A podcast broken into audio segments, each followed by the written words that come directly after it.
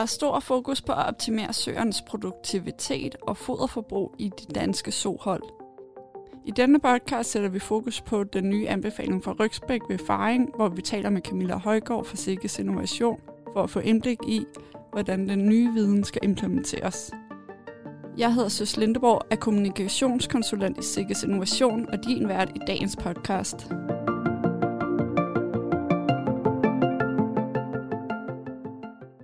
Men Camilla, kan du ikke lige starte med at præsentere dig selv? Jamen, jeg blev færdig som agronom for Københavns Universitet i 2016, og har siden da arbejdet med ernæring af søer hos SIGES, øhm, først som phd studerende og, og nu som seniorkonsulent. Den nye anbefaling for rygsbæk lyder nu på 14-17 mm mod de tidligere 16-19 mm. Kan du ikke bare springe ud i det og forklare, hvordan er det, den enkelte soholder skal implementere den nye anbefaling, så kan du jo komme ind på baggrunden senere hen. Jo, øhm, det kan jeg i hvert fald. Jamen, hvilket hul en so har ved faring, det afhænger jo rigtig meget af, hvilket hul den blev fravendet med i forudgående kul. Og dernæst så afhænger det også af, hvordan den er blevet fodret i drægtighedsperioden. Så når vi kommer med en ny anbefaling for rygspæk ved faring, så medfører det jo også, at hulinddelingen af søerne ved fravending i de her kategorier, mager, middel og fed, de må ændres. Ved fravending, der har en magerso nu 11 mm rygspæk og derunder, hvor en so i middelhul, den har 12-14 mm rygspæk, og en fed so, den har så 15 mm rygspæk og derover. De her inddelinger, de er altså afgørende for, hvilken foderkurve øh, søerne de skal følge i drægtighedsperioden. Mest af alt øhm, fra de er blevet løbet og frem til dag 30 i drægtigheden. En mager so øhm, med 11 mm rygspæk og derunder, den skal have Øh, 4,5 fodenheder per dag fra frem til dag 30 i drægtigheden. Og en so med middelhud med de her 12-14 mm rygspæk, den skal have 3 fodenheder per dag. En fed so med mindst 15 mm rygspæk, den skal så have 2,5 fodenhed frem til dag 30 i drægtigheden. Så nu er vi så 30 dage hen i drægtigheden, og jeg forventer faktisk, at de fleste magresøer har taget cirka 3 mm rygspæk på, og de her med øh, ligesom har opnået et middelhul.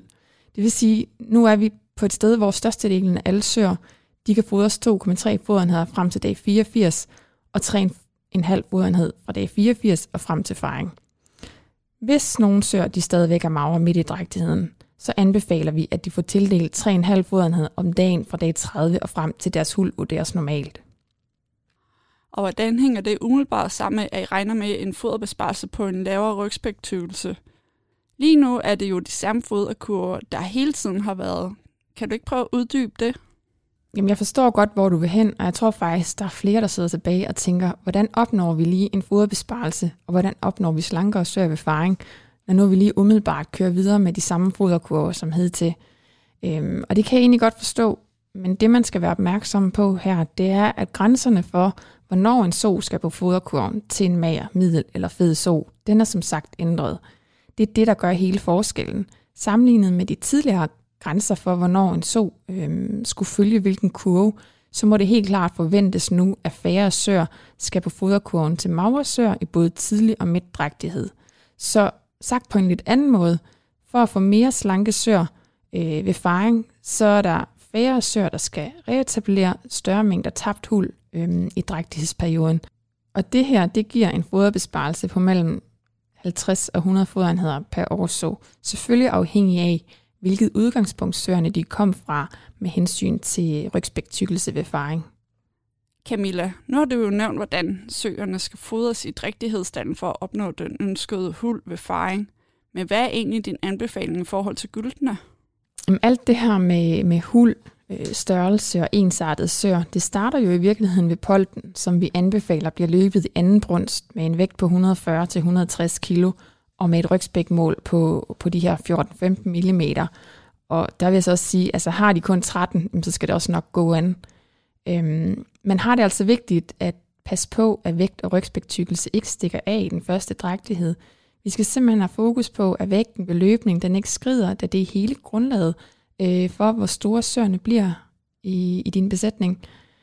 Vi anbefaler, at små gylde de fodres med 2,2 foderenheder per dag, og store gylde de bliver fodret med 2,4 foderenheder per dag fra løbning og frem til dag 30. I, I den her periode, der, øh, der bør vi undgå høj foderstyrke, øh, fordi det kan være negativt for implantationen af foster hos øh, gyldne. Midt i drægtigheden derimod, altså fra dag 30 til 84, der afhænger foderkurven af, af gyldnes hul.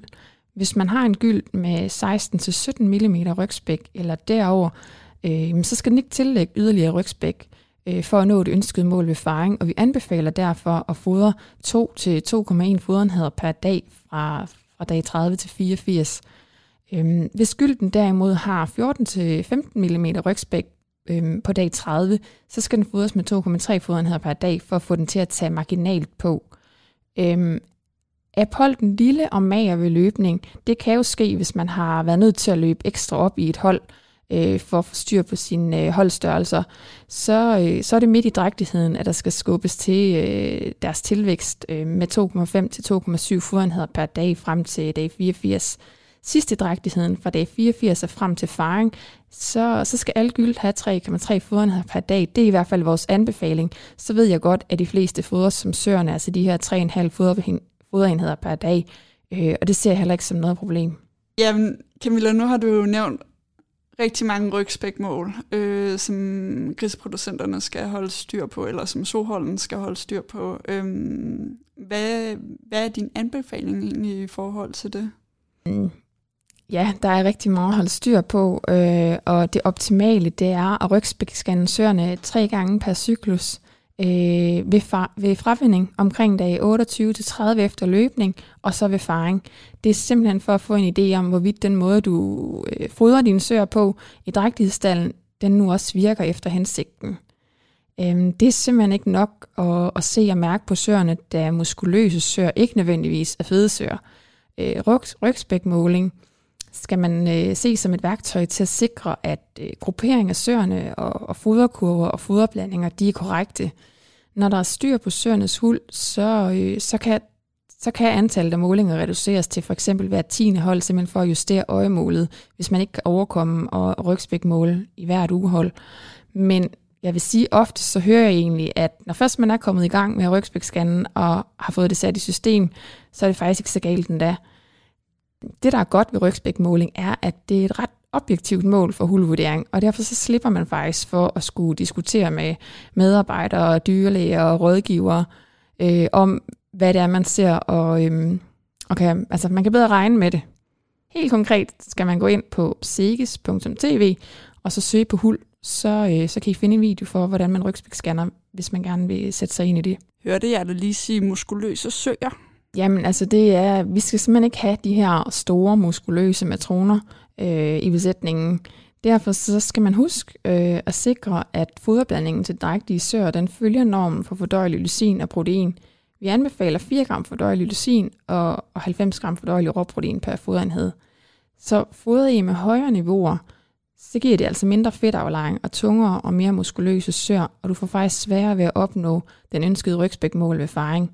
En tommelfingerregel, det er, at 1 gram ekstra fordøjelig lysin per foderenhed giver 11 kg ekstra tilvækst i første kul, og 6 kg ekstra tilvækst i de efterfølgende kul, og det er altså vel at mærke uønsket tilvækst, det giver kun større sør.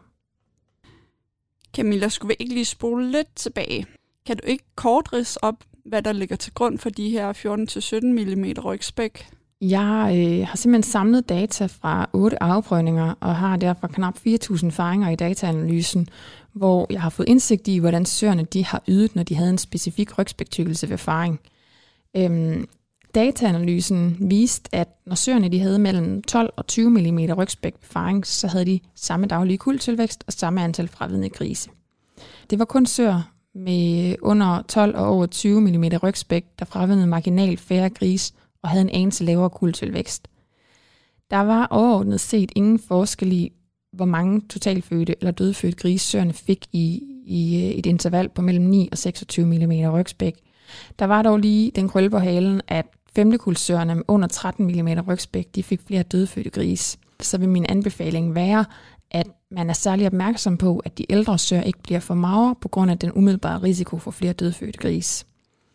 Så jeg så på den efterfølgende reproduktion øh, i form af antal dage fra fremvinding til løbning, faringsprocent og totalfødte gris, så øh, var den ikke påvirket af søernes rygspektykkelse ved faring. Det vi så, øh, det var, at øh, jo slankere søerne var, jo lavere var vægt- og rygspektabet øh, blandt søerne. Lige præcis det øh, ser vi som en fordel i forhold til søernes foderforbrug, for en so, der cykler langt mindre op og ned i hul, den har et lavere foderforbrug til reetablering af tabt hul. Men Camilla, når du nu siger, at søerne havde samme ydelse i et interval mellem 12 og 20 mm rygspæk, hvorfor er det så 14-17 mm sikkes anbefaler for de nye rygspæktyvelser? Jamen, øhm, 14-17 mm, det ligger solidt i midten af de her 12-20 mm. Dels så er måling af rygspæk forbundet med usikkerhed, og dels så vil det at sigte efter et mål altid give en vis spredning i, hvad man så rent faktisk opnår. Det skal der selvfølgelig være plads til, samtidig med, at produktivitet, økonomi og dyrevelfærd det går op i en højere enhed.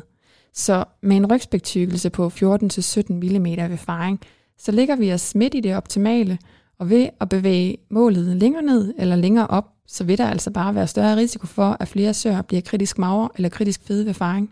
Nu nævner du dyrevelfærd. Hvad mener du med det?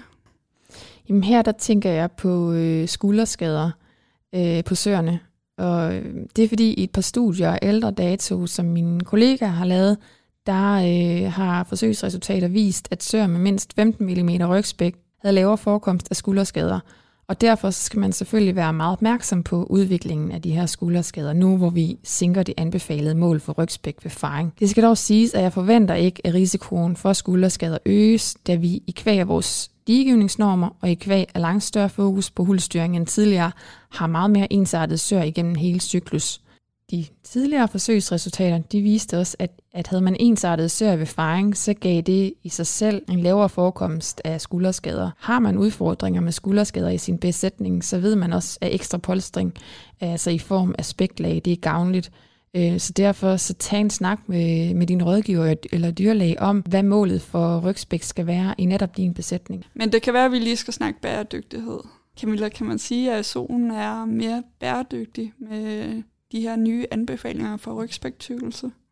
Ja, det kan du godt sige, at øh, man gør. Altså hver gang, at vi kan spare på, på noget foder, så, øh, så tænker jeg også, at vi højner bæredygtigheden. Ved at have et lavere rygspækmål, jamen så på sigt, så får vi også øh, nogle mindre sør, øh, som har et lavere behov til vedligehold. Og vi forventer at få nogle søer, der som sagt cykler langt mindre op og ned i hul, så der skal mindre foder bruges til øh, reetablering af tabt hul. Alt andet lige må det give en mere bæredygtig so. Tak fordi du lyttede med. Husk, at du altid kan høre mange flere podcasts fra Sikkes Innovation på podcast.sikkes.dk eller ved at følge Sikkes Innovation i din podcast-app.